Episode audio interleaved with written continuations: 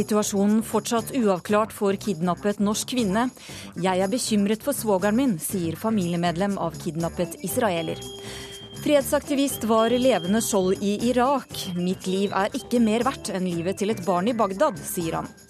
Og SV-politiker vil ha mer naturlig nakenhet i offentligheten. Ukeslutts reporter rapporterer uten en tråd om blitt.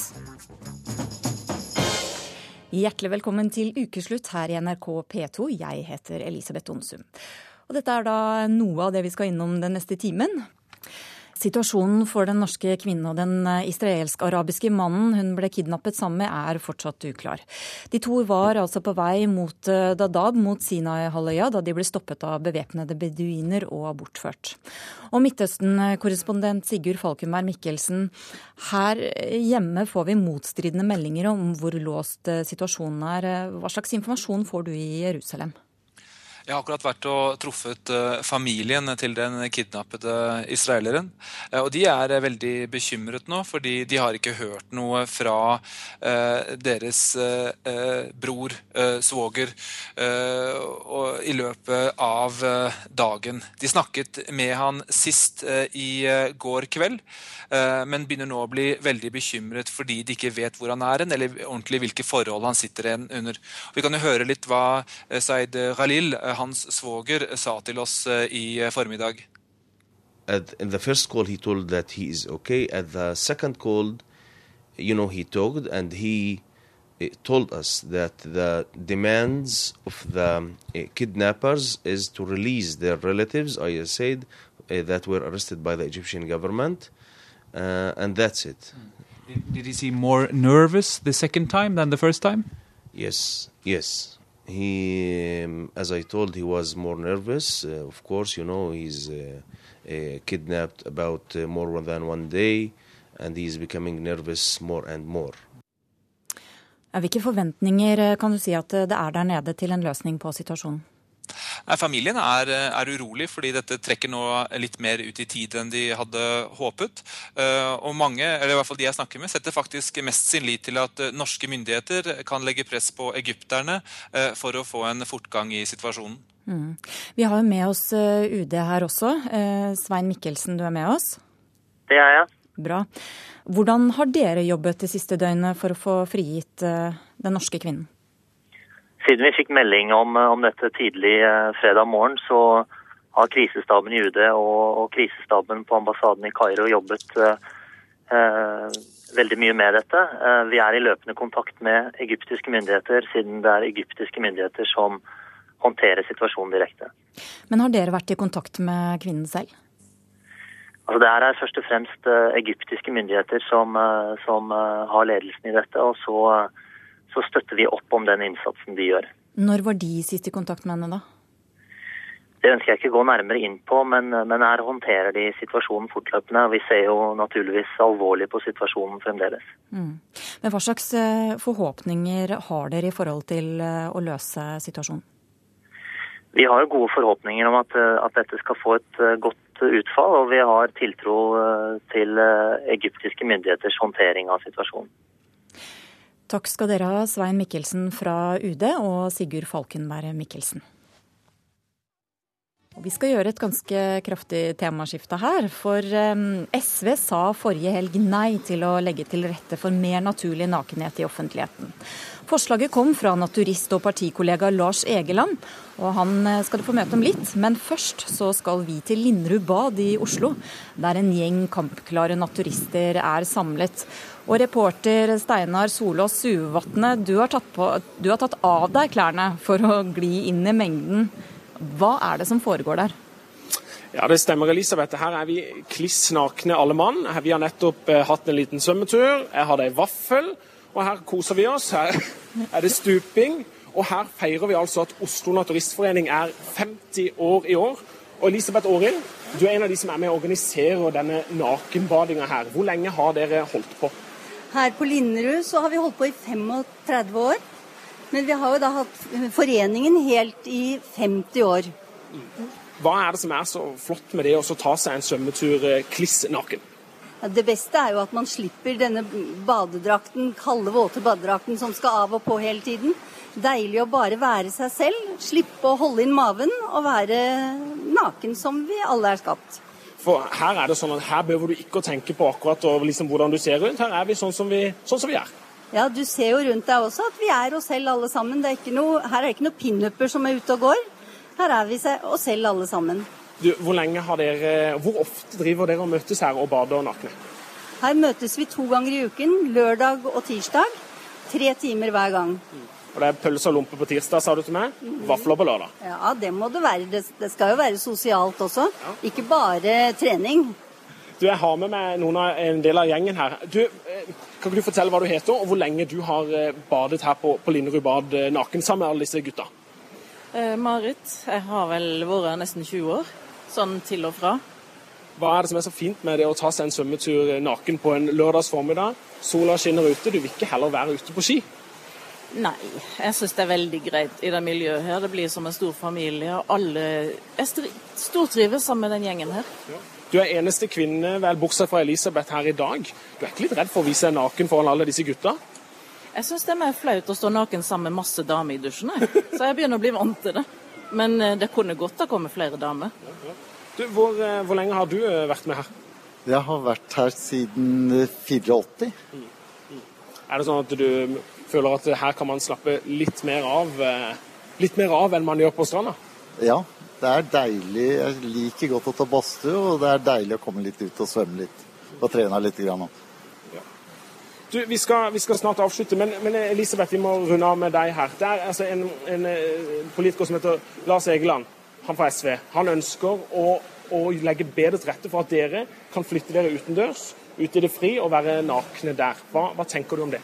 Det vil vi jo gjerne. Vi har jo noen friområder nå også, fristrender som er knyttet til Oslo kommune. Men vi skulle gjerne hatt mange flere. Vi mistet en i fjor. Og det er jo fare for kanskje å miste flere. Vi vil ha mange flere steder å bade. Og vi vil også gjerne at Oslo kommune legger til rette for flere innendørs uh, muligheter for naturister. Da er det bare å sende den oppfordringa her fra Linderud bad. Her står det en gjeng eh, nakne folk. Vi sender den oppfordringa videre til Lars Egeland. Stå på.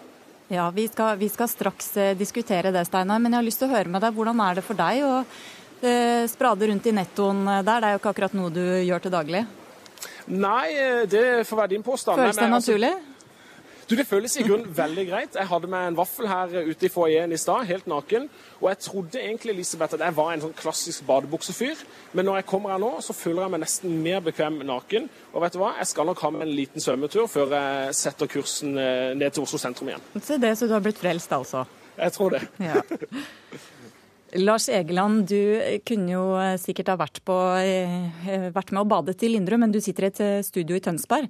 Men du er altså da stortingspolitiker fra SV, og, og mange av Dagbladets lesere eh, har denne uka sett et bilde av deg der du hopper ned i et, nettopp et basseng med manndommen på snei. Um, og du sier altså at, at bikinier og badebukser øker sexfokuset mer enn om alle var nakne. Bygger du det på? Ja, nei, jeg har jo vært både på nakenstrender og tekstilstrender. Og jeg ser jo at uh, liksom kroppsfikseringa og kroppshysteriet er jo, er jo fraværende på naturiststedene. Og det er jo det de fortalte om fra Linderud også. Der kan man være seg sjøl, sånn som man ble født. Men dette med sexfokus, da?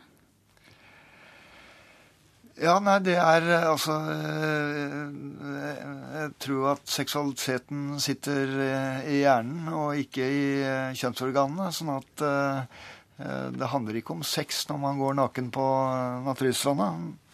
Men, eh, men det men, gjør det på tekstilstrendene, Det gjør kaller det? Det gjør vel ikke alltid der heller, men det der å, å skulle gjemme ting og drive og samtidig utfordre med små bikinier og, og små badebukser, det, eh, det, understreker på en måte mer seksualiteten enn det å gå naken.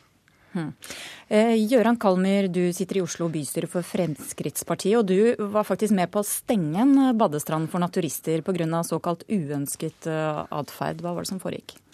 Det var i Oppegård kommune. Oslo kommune eide en strand. Eh, og Oppegård kommune hadde gjort vedtak på at de ønska at vi skulle være med å stenge den da, som grunneier. Så det var jo på en måte ikke en politisk vurdering vi gjorde, men vi gjorde en vurdering som grunneier at vi eh, etterkom Oppegård kommune sitt ønske. Eh, så må jeg nå si Det at det var jo veldig hyggelig å høre innslaget fra Lindeberg. og Jeg håper jo det at sånne naturistklubber fortsetter sin aktivitet, og det skal vi så klart legge til rette for. Men det er nok en veldig snever eh, gruppe mennesker, hvis du tenker på det totale antallet som bader. Eh, og Derfor så tror jeg ikke vi skal bygge egne bad for denne gruppe. Vi har nok utfordringer med å få vanlige bad til skolebading og sånne ting. Men, men det, var, det var ganske drøye aktiviteter som foregikk på den stranda? Ja, på Oppegård så var det ganske ille. Eh, jeg har jo ikke vært der sjøl og observert, men vi fikk jo politirapporter for at det var organisert eh, altså avtaling eh, gjennom internett at man skulle møtes der for å ha tilfeldig sex og sånne ting her. Eh, og Oppegård kommune syntes det var ganske ille, og befolkningen i Oppegård hadde klagd til Oppegård kommune. Og da mm, det skal ha vært orgier eh, med barn som tilskuere på ja, stranda? Altså, man kunne ikke gå tur der nå med sine barn, fordi da kunne, man, eh, da kunne barna bli vitne til ganske stygge scener. Mm. Så alle naturister er kanskje ikke helt rene til sinns, da, Egeland? eller? Nei, men det har ikke noe med naturisme å gjøre i det hele tatt. Det, jeg håper å si, det, er det, det har like, like, lite med naturisme å gjøre som stripping. Men, ja, det vil, men, det vil jeg faktisk være enig med deg i det hadde ingenting med naturistene å gjøre. Men, men, dessverre eh, så ble det en slik aktivitet på den naturiststranda likevel. Ja, og da var det bra at den ble stengt. Eh, og jeg har vært med på å gjort noe lignende dumt i, Tønsberg som kommunepolitiker. Hvor det var en, en strand hvor mange bada nakne. og så eh, foreslo jeg at det skulle skiltes som fristrand. Og det utvikla seg, men det seg til å bli et sånn treffsted for, for menn særlig. Eh, og, eh, og, det var bra at, det, at den skiltinga ble tatt bort. Men den, du sa jo den, at badebuksene at det er nei, badebuksene nei, men, som Men den, den, eh, feilen vi gjorde, var at det var en ganske sånn utilgjengelig steinete strand. Og jeg tror at vi trenger flere tilgjengelighet til flere naturiststeder, men de må på en måte være åpne. Det må være lett for barnefamilier å komme. For dette handler jo særlig om at barn som okay. vokser opp, okay. skal få et naturlig forhold til kroppen. Ja, og, og, Kan du bare si noe kort om det? Altså, hvorfor er det viktig å kjempe for mer nakenhet i offentligheten? Nei, Det er rett og slett fordi at jeg tror folk rett og slett blir sjuke av uh, den uh, dårlige kroppsfølelsen, den det sexfikseringa, den det, uh, som, som, gjør altså at uh, norsk ungdom ser mer porno enn noen gang, men de tør altså ikke å kle av seg i dusjen på skolen. Uh, de får et veldig dårlig selvbilde, og det må vi gjøre noe med. Og så er det mange ting vi kan gjøre med det. Men å anerkjenne at naturistene jobber også for et naturlig forhold til kropp, det er veldig bra. Og hvis vi da kan tilrettelegge for flere eh, steder hvor det er tilgang til å kunne bade naken Og jeg er helt enig med Kalmyr at naturistene som forenings, eh, som organisasjon er ganske er, er en snever gruppe. Mm. Men det er jo veldig mange ikke... som vil ønske å bade nakne. Ja, men tror du ikke det handler om at naturister kanskje i utgangspunktet har et bedre selvbilde da, enn kanskje mange andre? Ja, jeg, altså, jeg tror at folk som uh, har et naturlig forhold til kropp, og som uh, de tør å bade nakne eller, og liker å bade nakne, de, uh, de har et bedre forhold til kropp, ja. Kalmer. Ja, jeg tror det at de utfordringene vi har først og fremst i forhold til nakenhet og, og ungdom som dusjer og sånne ting, det, det, handler nok mer om at de har en redsel for at de skal bli tatt bilde av og det skal bli lagt ut på Instagram og Twitter, mer enn at de nødvendigvis er bekymra for å ta av seg badebuksa for en uh, kompis. Uh, og, og, det må man bekjempe med helt andre tiltak. Uh, dere har jo kunnskapsministeren. Hvorfor er det f.eks. ikke satt opp lås så man kan legge inn mobiltelefonen før man skal ha gym og svømming? Men det er en litt annen debatt. Jo, men, jo, men, det handler ikke bare... dette handler om virkemidlene faktisk for at ungdom skal få et naturlig forhold til sin kropp. Eh, og jeg syns jo også det er sånn paradoks da å høre på SV. ikke sant? Man, man, man, tror liksom at verden er sånn rosenrødt, og så skal man bare forby stripping, og så skal man ha mer naturisteplasser eh, og så skal man heller ikke ta tak i det problemet som egentlig er på ungdomsskolene. og sånne ting. Det er rett og slett mobbing, og det er mangel på disiplin. Og der har f.eks. Kristin Halvorsen sagt at hun ønsker ikke det tiltaket som Oslo-skolen satte i gang, nemlig at læreren skal være sjefen, og man skal høre etter læreren, og da får man mer disiplin og mindre mobbing. og derav legge ut bilder av nakne ungdommer på Instagram og Twitter. Jo, og det må gjøres mye i skolen, men det handler jo ikke bare om ungdom heller. fordi at uh, badelandet rundt i landet har jo altså nå gått sammen eh, om en aksjon om dusj uh, uh, uten klær. fordi at voksne er akkurat på samme måten. Mm. Men, Egeland... Og da handler det ikke om redsel, voksnes redsel for å bli fotografert, altså. Mm. Men Egeland, du ønsker deg mer nakenbading i offentlige bad også, og familiegarderober og ja, den type ting? Ja, det handler om valgfrihet. Ja. Som jo kalmer til et parti som ofte snakker om valgfrihet. Jeg syns at vi skulle ha som mål at i enhver by så, fant, så burde det også være et uh, tekstilfritt uh, alternativ. Altså både når det gjelder badestrand og når det gjelder tilbud i offentlige bad. Vi må avslutte, men Kalmer, er det noe du kommer til å legge til rette for i Oslo? Ja, Det høres ut som at Lindeberg har det veldig bra akkurat nå. og Så får vi nå se om det er noen flere som har behov for det. Eh, akkurat nå så har vi ikke akkurat opplevd det store trykket fra noen turister i Oslo. Så det blir ikke nakenbading på Tøyenbadet med det første? Nei, jeg tror nok det at hadde jeg hoppa ut i Tøyenbadet og alle hadde vært der naken, så hadde jeg nok fått mer sexfokus eh, enn eh, nå i dag, når alle har på seg klær. Takk skal dere ha, Gøran Kalmer og Lars Egeland. I et opplyst samfunn i år 2013 så bør bevisbyrden ligge på de som mener at dette metafysisk funderte, jålete og forfengelige, utdaterte, symbolsk og praktisk problematiske og konservative styresettet er den rette måten å organisere en av de beste og mest demokratiske land i verden. Heldigvis så er det mye god selvironi hos politikere. President. Ladies and gentlemen, the president. Vi mener at posisjoner og verv og stillinger i det norske samfunn best tildeles gjennom folkets tillit eh, gjennom valg, ikke gjennom arv. Denne uka blåste altså Arbeiderpartipolitiker Jette Christensen og tre partikolleger nytt liv i monarkidebatten. Det er velkjent eh, SV-politikk å ville avskaffe monarkiet, men eh, nå får de altså støtte fra regjeringskollegaer i Ap. Ukesluttsreporter Sofia Paskevitsj har eh, prøvd å finne ut om det blåser en republikkbris over landet. Jeg mener det at det er, vi, kongehuset skal vi ha. Så det at jeg syns det er dumt når de begynner med sånn prat. Nei, det er tøv. Vi skal holde oss til Grunnloven. Her i Norge vil jeg ikke ha noen republikk. Det disse damene på Torgallmenningen i Bergen ikke har fått med seg, at det blåser en republikansk vind over Bergen og resten av Europa. Selv om vi har sett en økt oppslutning i kongehuset de siste ti årene fra rundt 60 til 72% så er det jo slik at eh, det jevnt over i Europa er en republikansk vind, fordi republikanerne organiserer seg i sterkere og sterkere grad. Vi har fått en ganske aktiv norsk organisasjon som kjemper for republikken. Statsviter Carl Erik Grimstad var en gang i tiden ansatt ved Det kongelige norske hoff.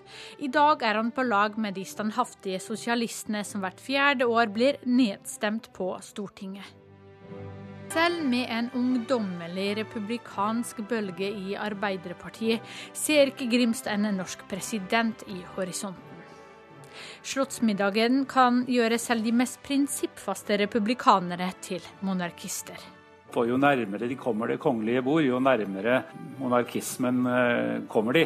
Så i løpet av ti år så vil jeg jo tippe at eh, disse folkene her er akkurat like mye forsvarere av, eh, av monarkiet som det Martin Kolberg er, er, i dag. Akkurat når jeg gikk opp her, hvor vakkert det var her i dag. Med slottet og at det er så fint vær. Og... Formann i Monarkiets vener, Kristoffer Kostveit, stiger opp trappene til landets viktigste hus. Det er liksom kongens sitt hus, da. Det er Slottet. Det er i motgang det går oppover, for etter at Stortingets rojalister igjen gjorde et mislykket forsøk på å avskaffe kongehuset, har foreningen fått mange nye vener. Spesielt da etter denne saken her om dagen. Selv ble 22-åringen rojalist da en bilkortesje passerte gjennom bygda for 15 år siden. Jeg tror det var i 96, da jeg var seks år. Så venta skulle kongen kjøre gjennom og komme gjennom Vinje, der jeg er fra. Og Da sto vi i grøftkanten og vinka og vinka, ikke sant. Og uh, han kom jo aldri. Men til slutt så kom han og for kjapt fort forbi. Så en liten skikkelse inn i bilen. Nå var jeg frelst. Ja. Kan vi få til det? Klarer dere det å rope de høyt? Kongen er stor. Da gjør vi det. Kongen er stor. Are Kalve, du har jo snakket med Folkedypet, i hvert fall representert ved folk på kjøpesenteret i Oslo. Hva blåser den aldri så liten republikansk vind over landet? Nei, det kan ikke si at jeg fikk inntrykk av. Men uh, jeg tror heller ikke det er et flertall av folket som egentlig er enig i det som, alt som står i den nåværende grunnlova om uh, monarki og kongefamilien. Jeg tror på kong Harald, en ufeilbarlig konge. Men er det denne kongefamilien her, og Harald og Sonja og Mette-Marit, det de vi er glad i, eller er det monarkiet som styreform vi vil ha? Tror vel er folka som eh, befolker monarkiet nå, eh, er en vesentlig del av grunnen til at folk syns det er stas. Og så har jeg en teori om at monarkiet kanskje fyller et behov hos folk for å være litt sånn fjasete og pyntete og overfladisk. For la det nå ikke være noe tvil om det. Det er litt artigere med en kongefamilie enn en presidentfamilie.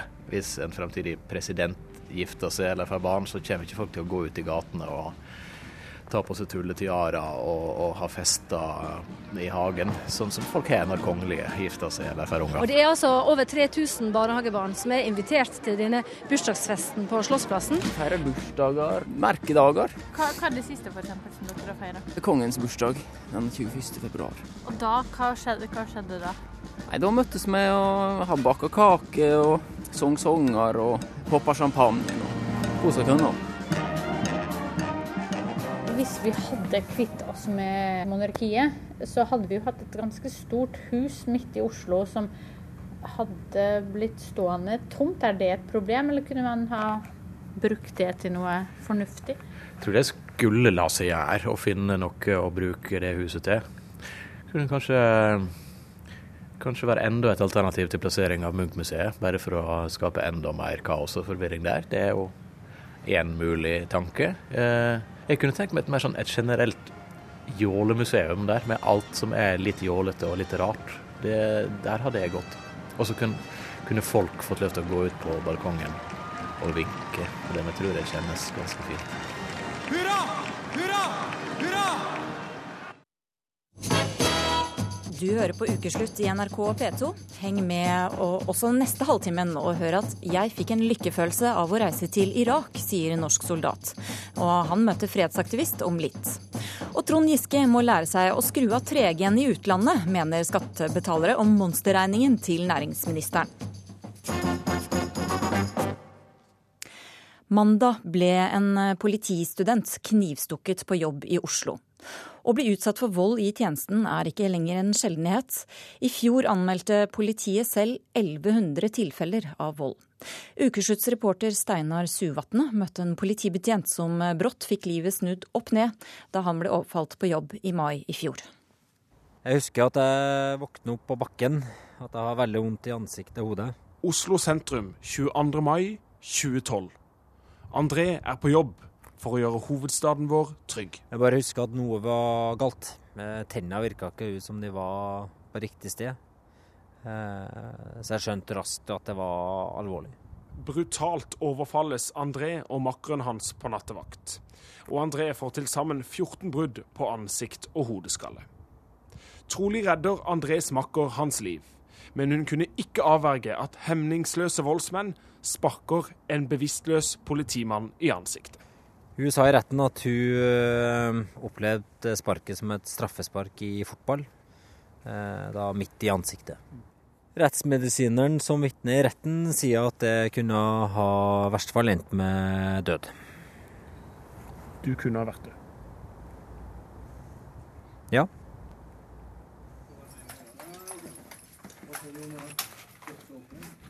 Og Andrés historie er langt fra unik. Statistikk viser at norsk politi utsettes for flere trusler og mer vold enn noen gang før. Det gjør at mange politifolk, spesielt i Oslo, ønsker å bære skytevåpen. Tillitsmann Gunnar er en av dem. Eh, jeg har en batong som jeg har fått utdelt. Jeg har pepperspray. Jeg har håndjern. Arbeidsbeltet må gjøres klart før jobb. Og tillitsverv til tross, Gunnar er fersk. Han var student når André ble slått ned. Og han tilhører en generasjon politimenn og -kvinner som i stort flertall er for en bevæpna politistyrke her til lands. Og jeg har en holder til en lommelykt og et uh, multiverktøy. Gunnars belte er tungt, men det er ett verktøy som mangler.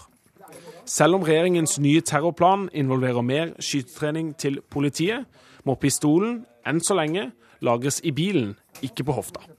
Og så har jeg en liten klips på høyre side som man klikker eh, pistolhylster i når vi bevæpner oss. Hadde du personlig følt deg tryggere med våpen i, i beltet? Ja, jeg hadde jo det. Altså, det gir jo oss muligheten til å forsvare oss hvis vi skulle komme opp i en sånn altså en akutt situasjon. At norsk politi skal være ubevæpna, det har vært opplest og vedtatt i mange år. Men Gunnar mener bevæpningskritikerne ikke ser det fulle og hele Oslo. Og det er mye tøffere enn det folk flest ser til daglig. Altså, jeg har bodd i Oslo i mange år før, før jeg begynte på politiet, og har fått et litt annet bilde eh, i dag. Skal jeg sitte ikke i det, det rommet der, håper jeg? Nei, da blir det vanskelig for deg oss. Vi skal få være med Gunnar og kollega Joakim ut på jobb en fredagskveld i hovedstaden. Det er Joakim som skal kjøre bilen, og han må forberede seg litt på hva denne kvelden kommer til å inneholde. Det er en stor fotballkamp i dag, landskamp. Og det kan medføre at det blir litt mer folk enn vanlig. Planen nå er også å kjøre ut og patruljere i Oslo by. I tillegg så er det fredag. Så det er en del mennesker som skal uh, ut på byen da, og kose seg. Kan man forvente bråk på en sånn arbeidsdag som dette, fredag kveld? Ja, det, det kan man forvente at det blir, uh, blir, litt bråk. Tre år siden. Denne boken heter 'Police Use of Force'. Da blir det et globalt perspektiv. Og, uh... Det skades i snitt én politimann per døgn i løpet av et år i Norge. Og i fjor rapporterte politiet selv om nesten 4500 uønska hendelser på jobb. Det inkluderer både trusler og vold.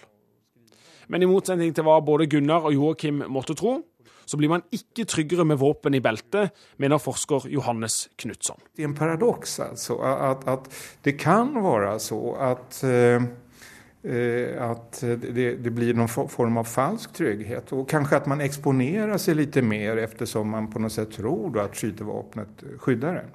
Knutson er selv tidligere politimann.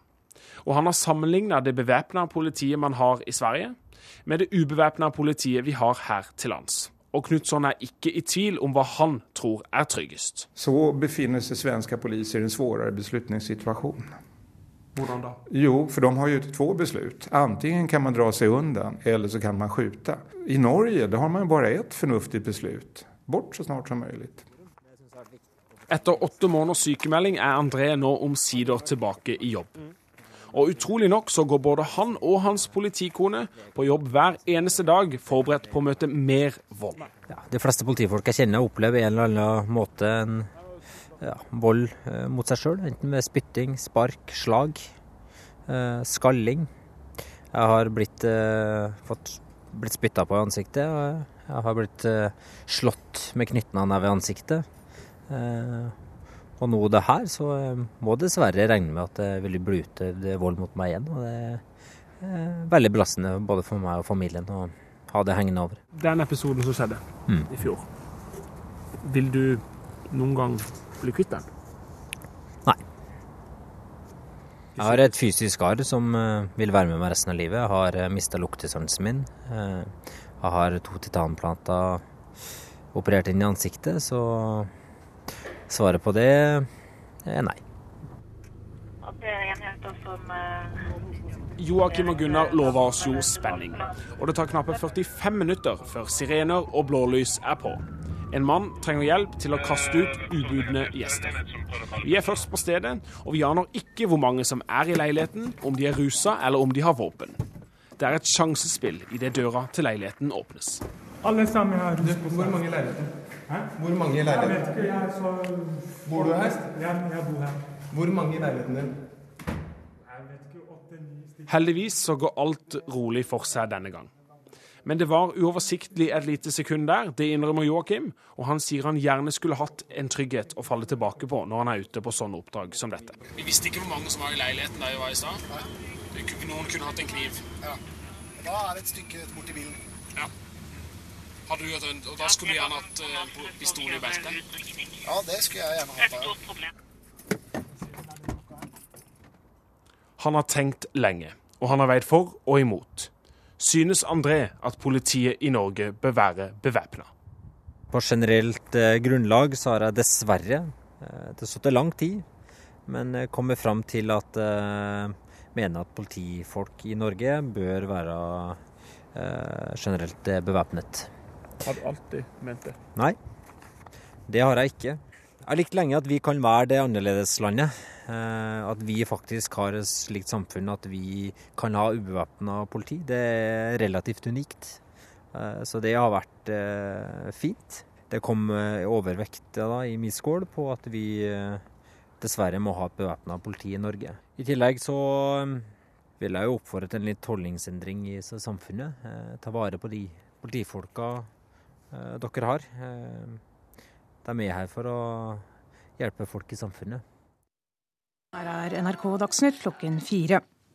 Flyalarmen har gått i Iraks hovedstad Bagdad, og det er hørt flere eksplosjoner i byen. Jeg kan ikke tenke meg en lyd som bringer mer uhygge enn denne. Når hylingen begynner, forandrer virkeligheten seg. Det knyter seg i magen. Slik rapporterte kollega Jan Espen Kruse for ti år siden etter at amerikanske fly hadde sluppet bomber over Bagdad. I Norge var motstanden mot krigen enorm, eh, og vi har fått besøk av to som reiste ned til Irak. Én fredsaktivist og én soldat. Vi begynner med soldaten. Oddmund eh, Andersen, du søkte deg til Irak, og i januar 2004 så sendte Forsvaret deg nedover. Hvordan opplevde du det? Høres gjerne merkelig ut, men lykke. Det, var, altså det er en, Å kunne få reise til Irak var en, det er en drøm, en, en en soldatdrøm som gikk i oppfyllelse. Ja, Hvorfor det? Nei, eh, det er veldig vanskelig å forklare, egentlig. Eh, en soldat er trent eh, til å operere under eh, i områder som er eh, belastet med, med, krig og konflikter. Og på den måten så ville jo, ville jo, ville jo da Irak være eh, på den tiden det ultimate. Um, å kunne få reise ut og, og støtte et sånt oppdrag og, og hjelpe mennesker som, eh, med, med å oppbevare og opprette fred. Eh, det er vanskelig å forklare, men eh, det var ganske, ganske stort for meg i hvert fall. Hva var det som var spesielt akkurat med Irak? Du har jo senere også vært i Afghanistan et par ganger og i Tsjad. Ja, det stemmer. Eh, nei, det var som jeg sa. Eh, vi har Irak er et eh, veldig belastet uh, land. Uh, det har vært mye konflikter og krig. Og, og på den måten så For meg så ble det liksom det ultimate å kunne få være med på. På grunn av alt du har hørt om før dette, mange år tilbake med konflikter og krig, og, og da, spesielt da når, når dette skjedde. Gir det litt sånn ekstra kred blant eh, dere soldatgutta å, å være med på sånne oppdrag? Det, det gjør jo det, men eh, jeg, jeg, jeg, føler ikke at det blir så mye sånn eh, Og jeg beundrer deg for du har vært der, men mer sånn jeg misunner deg for du har vært der. Lars Kalseth, du reiste også frivillig til Irak, men du reiste som sivil og som såkalt levende skjold i mars 2003. Hvorfor gjorde du det, Kalseth? Jo, det er en følelse man har. Eh, mitt liv er ikke noe mer verdifullt enn et lite barns liv i Bagdad. Og jeg var jo redd. Jeg var jo redd som bare det. Men jeg synes, hvis det kunne ha en slags eh, virkning, så ville jeg være med. Men du har to døtre som, eh, som kunne ha mistet faren sin. Delte de den oppfatningen om at eh, ditt liv ikke er mer verdt enn barna i Bagdad? Nei, det gjorde de jo ikke. Og de, de protesterte jo i begynnelsen, men eh, ga meg til slutt eh, en slags tillatelse til å reise ned. Hva gjorde sterkest inntrykk på deg mens du var i Bagdad? Ja, Det sterkeste inntrykket det var jo de der, der, alarmene som gikk hele dagen og natten, og, og bombeeksplosjonene. Mm. Og så bisto dere ved sykehuset også? Ja, det var jo bare tilfeldig at vi Da hadde det jo falt ned en bombe eh, på, et, på, en bydel som heter Jermok, som vi kjørte da. Og der var det helt forferdelig. Vi skulle, vi skulle opp og, og se på sykehuset. Og der traff vi jo Jeg traff jo en kar som heter uh, Abed uh, Hu Hamed. 33 år. Han hadde knust begge bena, uh, husker jeg. Og resten av hans familie, familie var, var, drept. Så var det en som het Hattan. Han var syv år. Han hadde Maven hans Ja, Han ble truffet av splint, da. Men han ville overleve, sa legene. Men hadde veldig smerter, for de, de hadde jo ikke morfin på slutten. Så hadde en eh, Muhammed Ahmed, han var fire år. Og det er vanskelig å holde stemmen ordentlig når man leser. Men jeg husker jo så godt det der, som, som jeg aldri glemmer. Og det, det var også satte jo veldig sterkt inntrykk. Mm. Og du fortalte også at, at, dere fikk utdelt likposer, rett og slett, av sykehuset. For å bistå ja, i opprydningsarbeid. Ja, det var jo ikke likposer, men det var eh, bager med is. Mm. Sånne, sånne, sånne bager er med sånn isopor. Isopor i de der, med is. Og da gikk vi der rundt nede på markedsplassen og lette etter eh, deler da, eh, av mennesker. Og ja, det var jo vel like sterkt, det. Og da skulle, da skulle, vi legge de delene i, i de isbagene der, da, og så bære opp på sykehuset. Så skulle vi forsøke å finne eierne. Mm. Andersen, hva, hva, tenker du når du hører det her? Krig er stygt.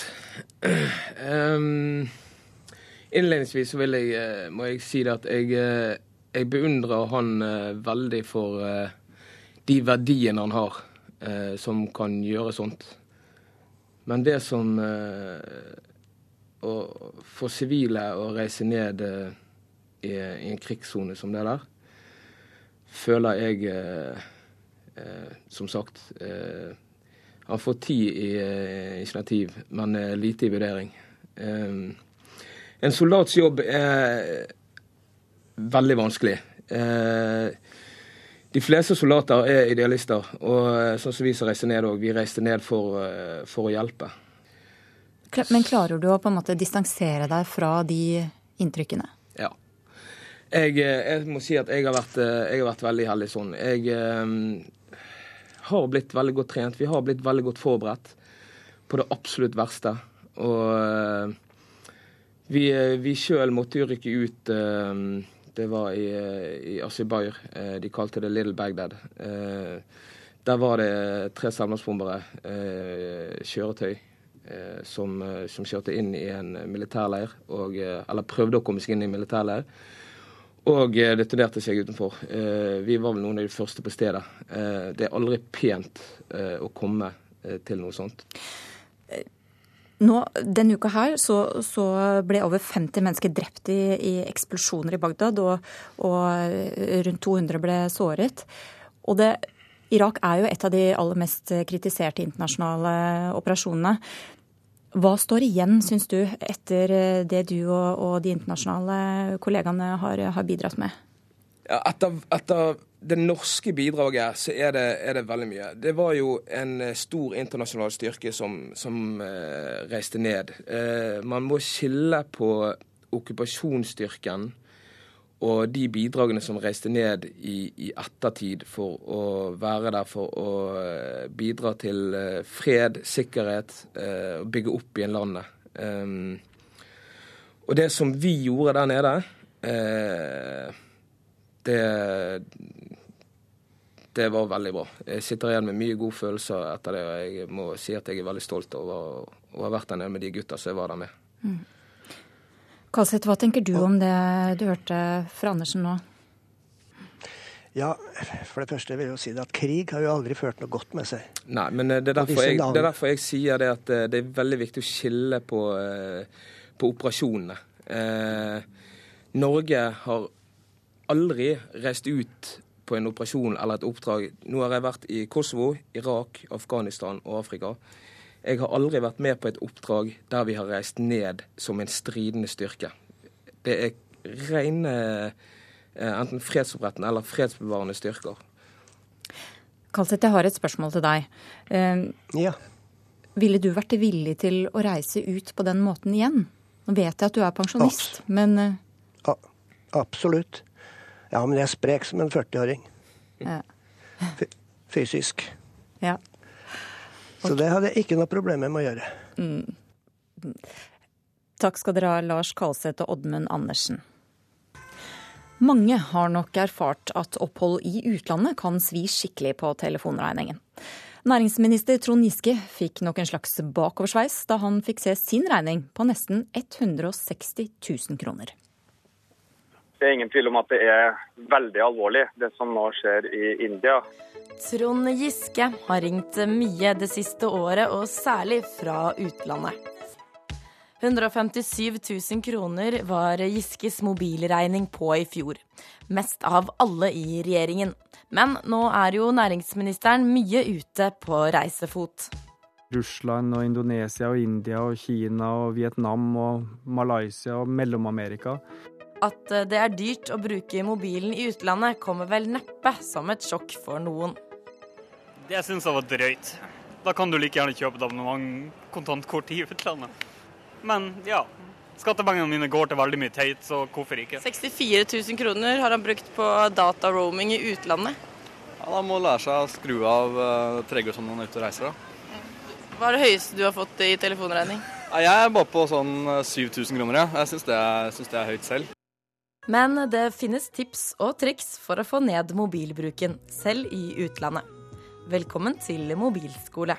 Hvis eh, du har en iPhone, og da ser du en knapp hvor det står 'data roaming', og det kan bli veldig dyrt. Så den slår vi av. Ann Hege Skogli jobber i Forbrukerrådet og lærer villig vekk mobilvett til reiseglade nordmenn. Hvis du vil passe på at du ikke får eh, forferdelig høy telefonregning, så må du passe på når du drar til internasjonalt eh, farvann. Eh, Ikke ta de lange samtalene. det som nå skjer i India. eh, Og at det Slå av dataroaming når du passerer grensen. Hvis det føles vanskelig, du trenger å følge med på Facebook og hva det måtte være, så slå i alle fall av automatiske oppdateringer. Og så kan du også sjekke om din eh, leverandør har samarbeidsavtale med operatører i det landet du skal til. Men hva gjør du for å unngå å få høye telefonregninger i utlandet? Da dropper jeg egentlig å ringe, eller så bare går, logger jeg inn på gratis eh, wifi istedenfor å bruke mine egne penger penger på en bra måte, satser jeg på. Hvis ikke så så får han betale sjøl. Nå har næringsminister Giske mange tips på veien for hvordan han skal få ned mobilbruken, og ikke ende opp i like mye trøbbel som i år, selv om det ikke er så ukjent for Giske. Jeg har vært med i 20 år nesten i rikspolitikken, så jeg vet akkurat hvordan det, det går i bølger. I en uke er du helt, og en annen uke er du skurk, og så, og så går det og så går det dagene. Men det viktigste er å få gjort jobben. Reporter var Thea Rabe. Ukeslutt er slutt, men vi tar ikke påskefri. Det betyr at vi er tilbake om en uke, og vi kan jo avsløre at det blir spesialskrevet påskekrim av årets Riverton-prisvinner, Jørn Lier Horst. Følg oss gjerne på sosiale nettsteder. Der legger vi ut bilder og innslag, og så er vi selvsagt veldig glad for innspill fra dere. Ansvarlig for denne sendingen var Aksel Wilhelm Due. Teknisk ansvarlig Finn Lie. Jeg heter Elisabeth Onsum.